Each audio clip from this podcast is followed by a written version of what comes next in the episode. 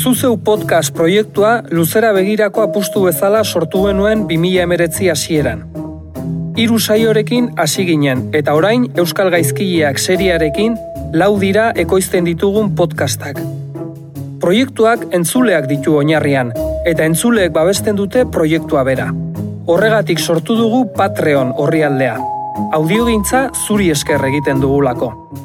Patreon orrialdean hiru arpidetza mota topatuko dituzu. Aukeratu egokiena iruditzen zaizuna, zuzeu podcast komunitatera batu eta proiektua babesteko. Sartu patreon.com barra zuzeupot elbidera eta arpidetu gure edukietara.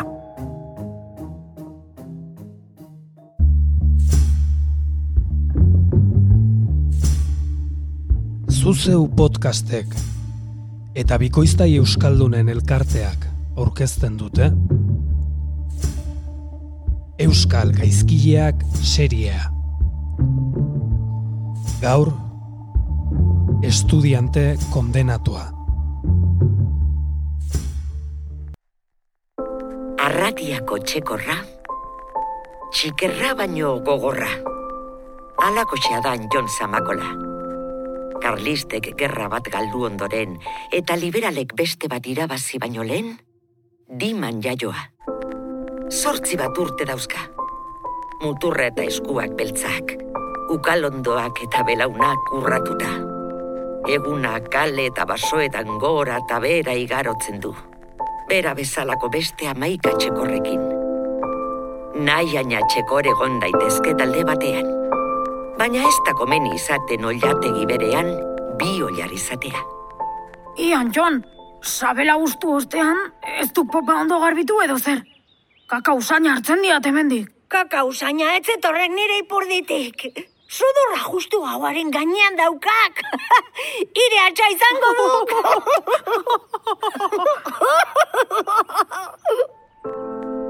Antxon Zamakola eta Pedro Soroeta.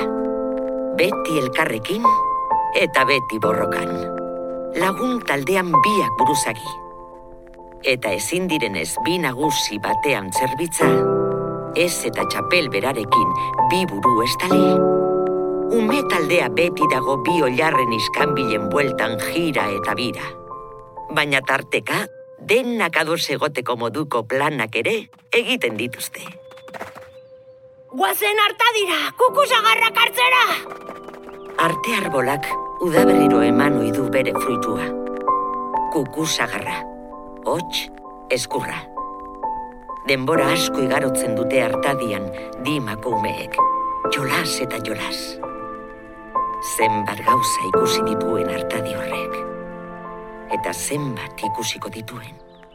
Zertan ari aiz gora begira, Antxon? Eh? Zer? Ea zertan ari aizen gora begira. Adarrak. Artearen adarrak oso sendoak izaten dituk. Duela gutxi entzunioa nola esaten zion amak bere lagun bati. Bat baino gehiago urkatu dutela hemen. Zer diok baina? Bai. Gertatzen dena duk azkena gu jaio baino lehenago hiltzutela. Igorreko lapur bat omentzuan. Eta hemen zintzilikatu omentzitean. Aurretik beste batzuekin egin bezalaxe. Artearen adarrak oso sendoak direlako. Amaren lagunak esan zian, jende aurkatzen dutenean, azin moduko bat isurtzen dutela. Eta likido hori erortzen den tokian, gero, mandragorak irteten omen dituk. Ze hazi, Etzakiat, jendeak kaka egiten dik urkatzen dutenean, beraz, urkatu baten azpian sortutako ezer ez diat jangonik.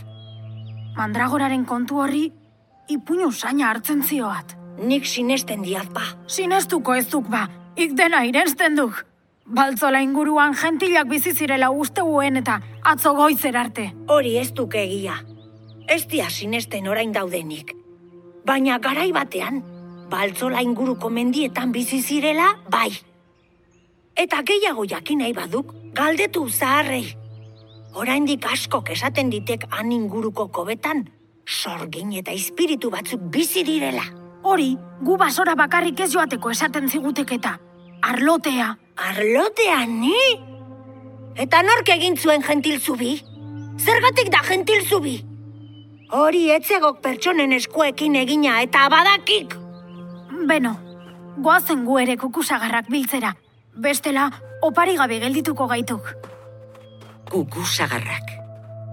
Kukuek jango dituzte agian. Baina dimako umeek ez. Zertarako biltzen dituzte orduan? Manolo! Kukusagarrak ekarri dizkiagu. Ara, ara, haze piloa ekarri duzuen gainera. Honekin izango diat pixkaterako. Manolo, dimako tabernaria da. Umeek kukusagarrak eramaten dizkiote. Eta Manolok, bezeroen kartaiokoetarako erabiltzen ditu. Ordura arte lurrean zeuden eskurrak, papatean, jokoaren eragin magikoa tarteko, amarreko baliotsuak bihurtzen dira. Eta noski, umeek ez dute musutruk lan egiten. Ea umeak, jarri hilaran. Eskerrik asko. Irian, Jon. Mila esker, Iri, pello. Umeek tabernara eramaten dituzten kuku sagarren truk, Manolok pronto dauka bere ordaina. Eskurrekin egindako bizkotxoa. Umeek izugarri estimatzen dute gozoa den guztia. Haientzako asteroko herritua bihurtu da, kukusagarrak eraman eta bizkotxo zati txiki bat jatea. Guztiak atera dira kalera, baina Jon eta Pello taberna barruan geratu dira. Haiek ekarri berri dituzten kukusagarrekin, musean ari den laukote bati begira. Ze umeak, musean jokatzen ikasi duzueia, ala? Ez, baino ikasi nahiko nikek. nik ere bai. Ea ba, eseri. Eta erakutsiko dizuet. Eta nahi baduzu astean behin zatoztenean tartetxo batean joka dezakegu.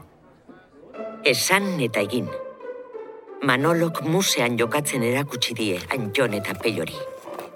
Baita haiek majo ikasi ere. Asko jokatzen dute kartetan euren artean orain.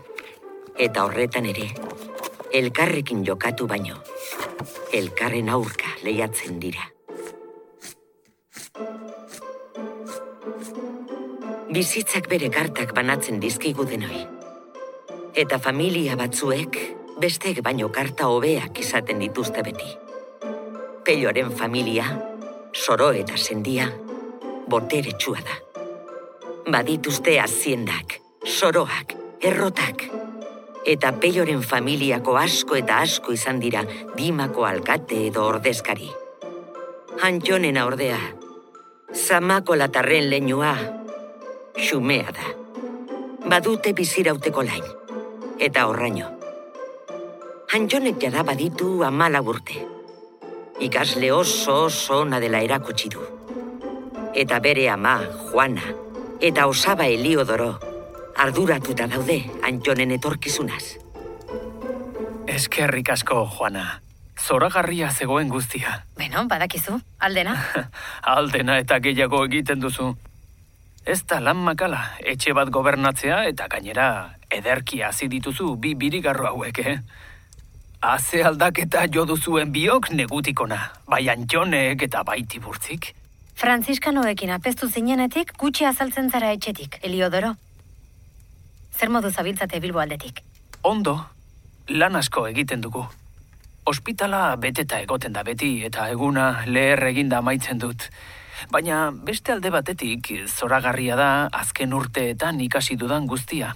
Zer ikasi duzu, osaba? Ba, bereziki bereziki medikuntza. Oso mediku onak daude gure komentuan, eta asko ikasten ari naiz haiekin. Nik e- egunen batean mediku izan nahi dut. Ea umeak, hartu sakarbana eta lanera. Badaukazu eta amaika zeregin. Eliodoro, itzegin alduzu konpainiakoekin. Onartuko aldute Antxon? Ari naiz ariak mugitzen eta ez da inongo arazorik egongo.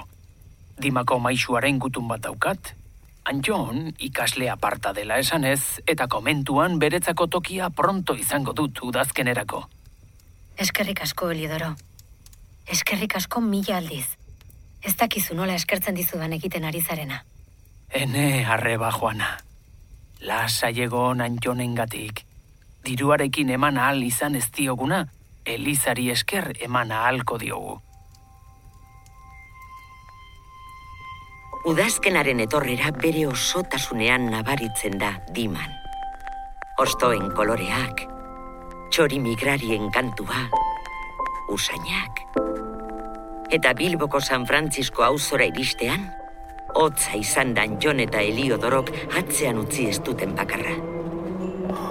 Zeinen handia den komentua. Eta ikusiko duzu barrura sartzean, zenbat gela, eskailera eta txoko dauden. Hartu zure petatea, guazen.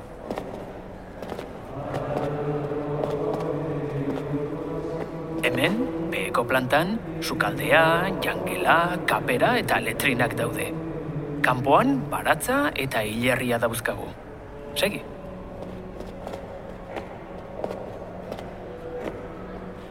Hemen goian, gure gelak, gaixoen oheak eta gaixoak tratatzeko gelak dauzkagu. Hauxe izango da zure ohea. Utzi petatea bertan. Nolako izango da nire bizitza hemen, osaba? Zer egin beharko dut? Egun sentia baino apur bat lehenago esnatzen gara. Aurrena, otoitz egiten dugu eta ondoren gozaldu. Gozari ostean, bakoitza berez zereginetan hasten da.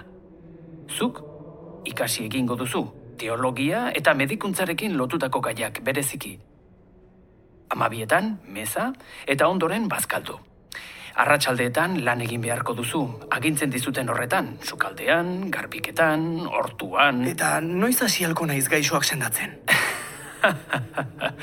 Artu lasai, Antxon, iritsiko zaizu ordua. Ama urte dauzkazu eta bizi osoa aurretik ikasi eta ikasitakoa praktikan jartzeko. Mediku bikaina izango zara, ez daukat inongo zalantzarik. Oso gogorra egintza joan Joni Francisco Tarren arteko bizitza. Otoitza, lana eta disiplina. Libertimenturako tarte gutxi. Baina egin berean izugarri betetzen du egiten duen lanak. Zenbar gauza dauzkan familiari eta lagunei kontatzeko. Gabonak dira. Eta Eliodoro eta Antxon etxera bueltan doaz, egun batzuetarako familiarekin pasadu eguna antxonek. Eta arrastian, dimako tabernara joan da lagunekin elkartzera. Haupa, Manolo. Gabon, Antxon. Aspaldiko, ze modu zabil Bilbon. Ondo, ondo, gauza ugari ikasten. Segi, segi horrela. Egunen batean nik ere medikua beharko diateta. Fondoko mailan dauzkak lagunak. Gabon, Ara, ara, gure Francisco tarra etorri duketa. Nio, dagoeneko buruzoitzen hasiako horratze aldean. I, eta beso hoiek? Ze kristo ibili aiz? Seko gihartuta ator, motel. lana besterik ez, Luis. Lan eta lan. Eta jan ere ondo badakik. Zer moduz, apaizako beto? Zer dugu, Antxon? ondo, peio. Ire bai? Bai, ni ere Bilbon nabilek, badakik? Bai, bazekiat. Ez aiz eta kasu egitera hurbildu. Ire ez? Eta nik egun osoa pasatzen diat lanean? Ik ez bezala, ziur. Nire familia jesuita duk, eta Bilbon indarra hartzen ari gaituk.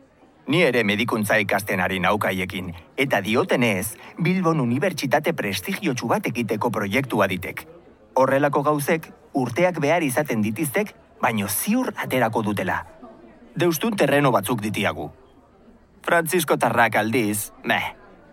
Maldan beraz joazak, eta haien komentua, pobre, gaixo eta kotxadu kabibatuk. Batzuk gurasoi esker zarete zaretena. Eta beste batzuk gure bidea egin behar diagu. Beno, nahikoa duzu ezuek biok, eh? Beti mokoka eta beti borrokan. Nahikoa du. Hori, hori. Ona ondo pasatzera etorri gaituk. Eta kartetan jokatzera. Ik ez duk aukerarik galtzen, eh, Luis? Eta gainera, diru pixka bat jokatuz gero, beto, ezta? Hori, hori. Ze, zenbat? Iru pezeta. Epa! Hori askotxo du kala. Baina, beno, urrengo partida jokatu arte, denbora dezente igaroko duk. Zer demonio? Iru pezeta! Ze, Antxon, zeren zainago? Ez ditiat hemen hiru pezetak, baina ados, ala beti. Ondo, ondo! Banoak, karten bila. Kukusagarrak ere, ekarri? Ni pixe egitera noak segundu batean. Listo. Nola ibiltzen ginen duela, ez hainbeste kukusagarrak biltzen amorratuta. Eta orain, gu geu gabiltzak kartetan. Demora, ez dela alferrik pasatzen mutilak. Venga, Florentzio eta Peio eta Jon eta ni, ados? Konforme. Lau erregetara.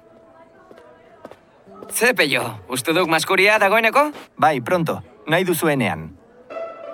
Hasi da jokoa. Bai, bai, ez, pasa, hor dago. Euki, enbido. Hiru peseta bada dirutxo bat. Baina hala ere, Luis eta Florentzio ez dira horretan pentsatzen ari. Gustura daude lagun artean jolasean. Eta hori da garrantzitsuena haientzat. Baina Pello eta Anjonen artekoa beste kontu bat da. Bien arteko tentsioa nabaria da. Anjon nazka nazka eginda dago Pelloren nagusitasun tonuaz. Kukusagarrak mai erditik jokalari bakoitzaren aldamenera mugitzen dira pixkanaka. Amarreko edo puntuko balioarekin. Eta bapatean, Anjonek zerbait arraroa sumatu du. Ume bat Luisen atzetik pasada. Eta jarraian, pelloren ondoan geratu da, lokarriak lotzen balego bezala. Konturatzerako, desagertu da umea. Pareak bai. Luisek Anjon begiratu, eta inork sumatu ez duen mugimendu bat egin du eskuineko belarriarekin. Enbidua bota behar du. Enbido. Euki eta amari goko diat. Epa, epa, oso seguro ikuste haut. Ah, baina en aukitaz fido. Ondo egiten duk. Baina Pellok ez du barrerik egiten. Eta Anjonek ere ez. Anjonek ez dio Pellori begiradarik kendu. Eta susmatzen hasia dago ze gertatuko den. Ea ba, aurrera. Beste amar igotzen ditiat eta. Atera kartak. Me kasuen! Jak, Luisek errege parea eta txotako parea zeuzkan. Pellok errege parea eta zaldi parea. Me kauen sos! Beno, beno. Partida polita joan duk. Bai, bai. Nahiko paretsu azken momentura arte. Ea, ekarri diruak. Ta ikan jon, hiru pezeta zor dizkidak. Trampa egin duk. Zer diok? Trampa egin duela. Ia, John. Ostia, e, etzak tontakeriarik esan, ta, ta utzi... Pixa egitera zijoala esan eta Marisaren umearekin aritu duk berriketan. Umea ire atzetik pasatu duk, Luis. Ire kartak ikusi eta peiori esan zizkiok. Esaidak trampa egin dudala urpegira barrenik baduk. Trampa egin duk. Trampati hutsa izan aizelako bizi oso. Ez, ez, geldi! Jesus, hori da hori kolpea. Konortea galdudik. Peio, peio! Ze hostia gertatzen da hemen. Kendu! Honek ez dik arnasik hartzen. Peio, peio! Esan medikuari etortzeko! Anjon zuri dago. Bere gorrotu guztia bilduta eman dio ukabilka da Pellori. Eta kolpatu bezain pronto konturatu da erabili duen indarraz. Egunen batean Anjon mediku izatera helduko balitz.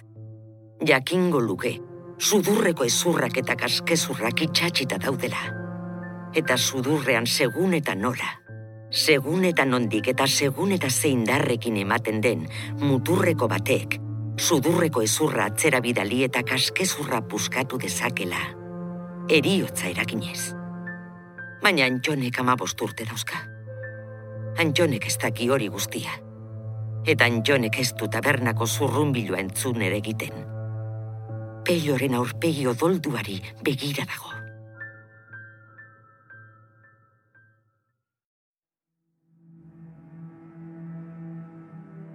Justiziaren damak begiak estalita daramatza. Balantza esku batean eta espata bestean. Denok dakigu justizia estela berdina denontzat. Justiziaren damak oso sarrik entzen du oialtxoa, nore paitzen ari den ikusteko.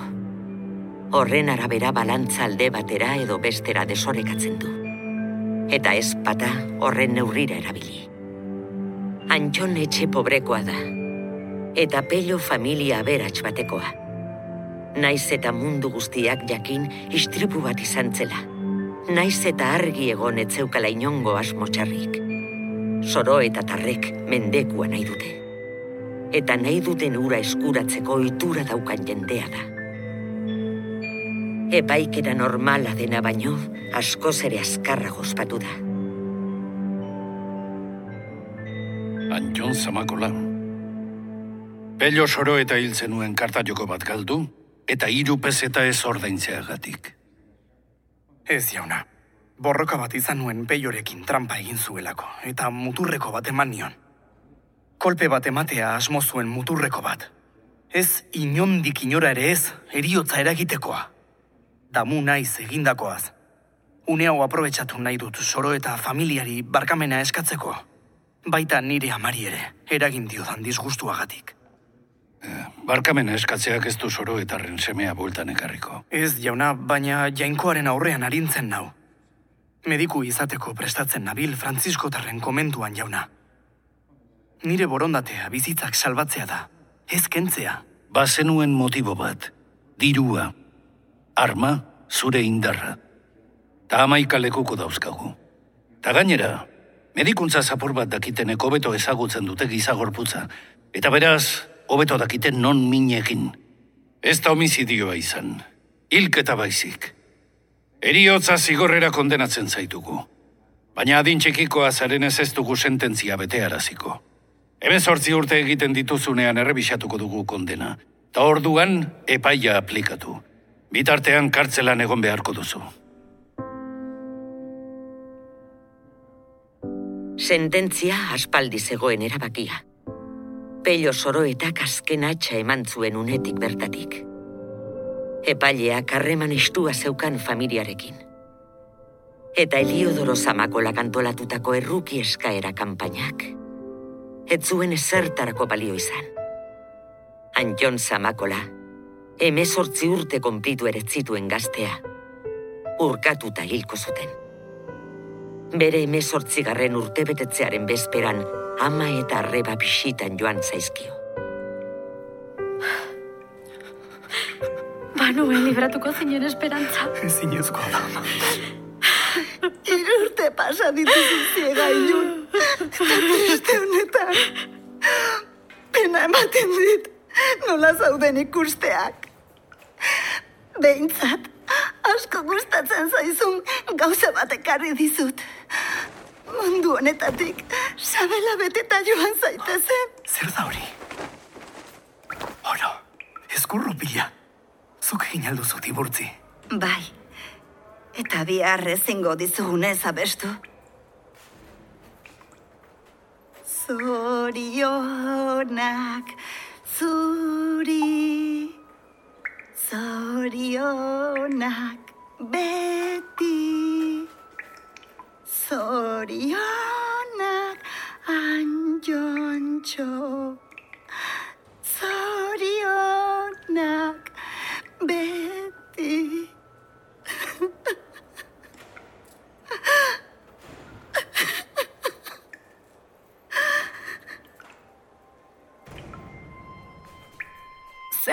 Ez gora begira, Antxon? Eh? Zer? Ea zertan aria izen gora begira. Adarrak. Artearen adarrak oso sendoak izaten dituk. Duela gutxi entzunioa nola esaten zion amak bere lagun bati.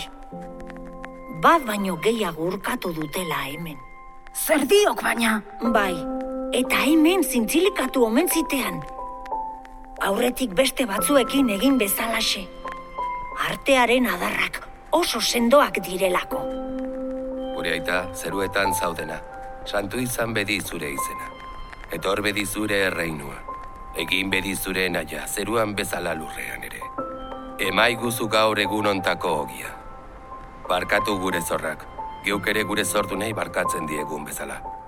Eta ez guten taldira eraman, baina atera gaitzazu gaitzetik. Amen. Hau,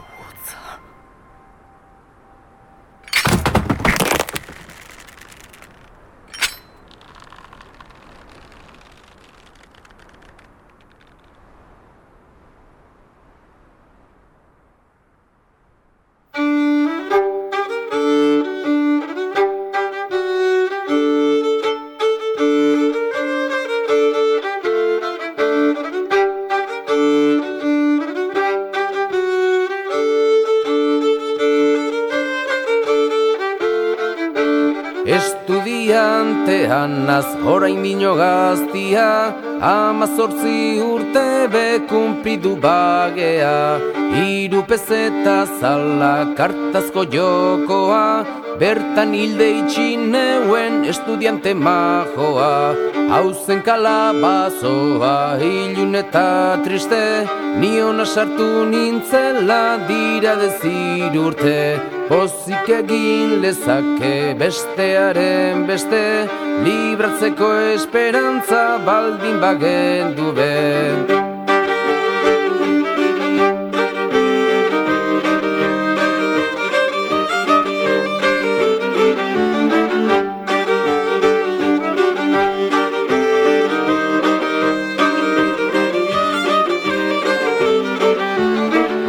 gura dau berorrek ni libratutea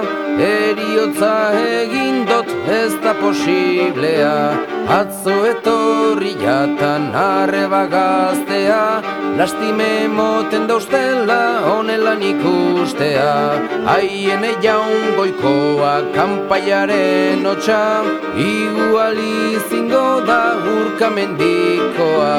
Haude urke mendiko aizearen notza Gure jaunen aurrerako nik deukedan lotxa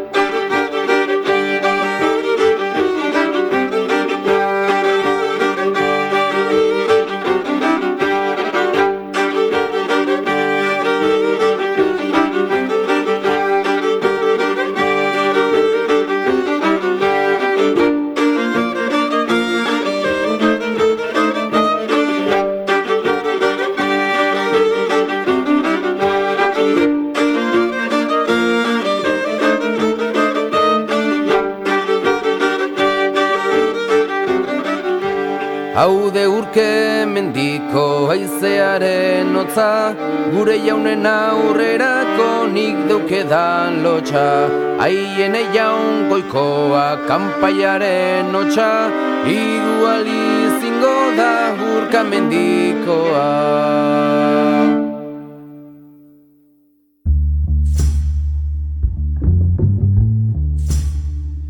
Euskal Gaizkileak seria Zuzeu podcastek eta bieusek bikoiztai euskaldunen elkarteak ekoitzitako lana da. Lantalde handia dago atzean. Zuzendaritza eta gidoia peinat jatzen barek. Soinu eta musika diseinua inigo etxarri, in estudioa. Bikoizketa zuzendaria Xavier Alkiza. Ahotsak. Iker Bengoetxea Ander Bildosola. Joseba Sakristan Mikel Garmendia. Ane Gabarain. Ramon Zalakain. Jose Cruz Gurrutxaga Iñaki Beraetxe Aner Narbaez Arantxa Moñuz Aintzane Gamiz Arrat Hernandez eta Judith Uegun. Estudiante kondenatua abestia aintzina folk taldearena da. Kosinatik kanberalat albumetik hartua. Alan Griffin, Juanjo Txandorena, Arkaitz Miner eta Zigor Sagarna, mila esker kantu auztegatik. Inspirazio iturri izan dugu Xavier Kaltzakortaren bertso jarrietatik ahozkora idatzia. Jarrai gaitzazu abildua zuzeupot eta abildua gaizkileak kontuetan.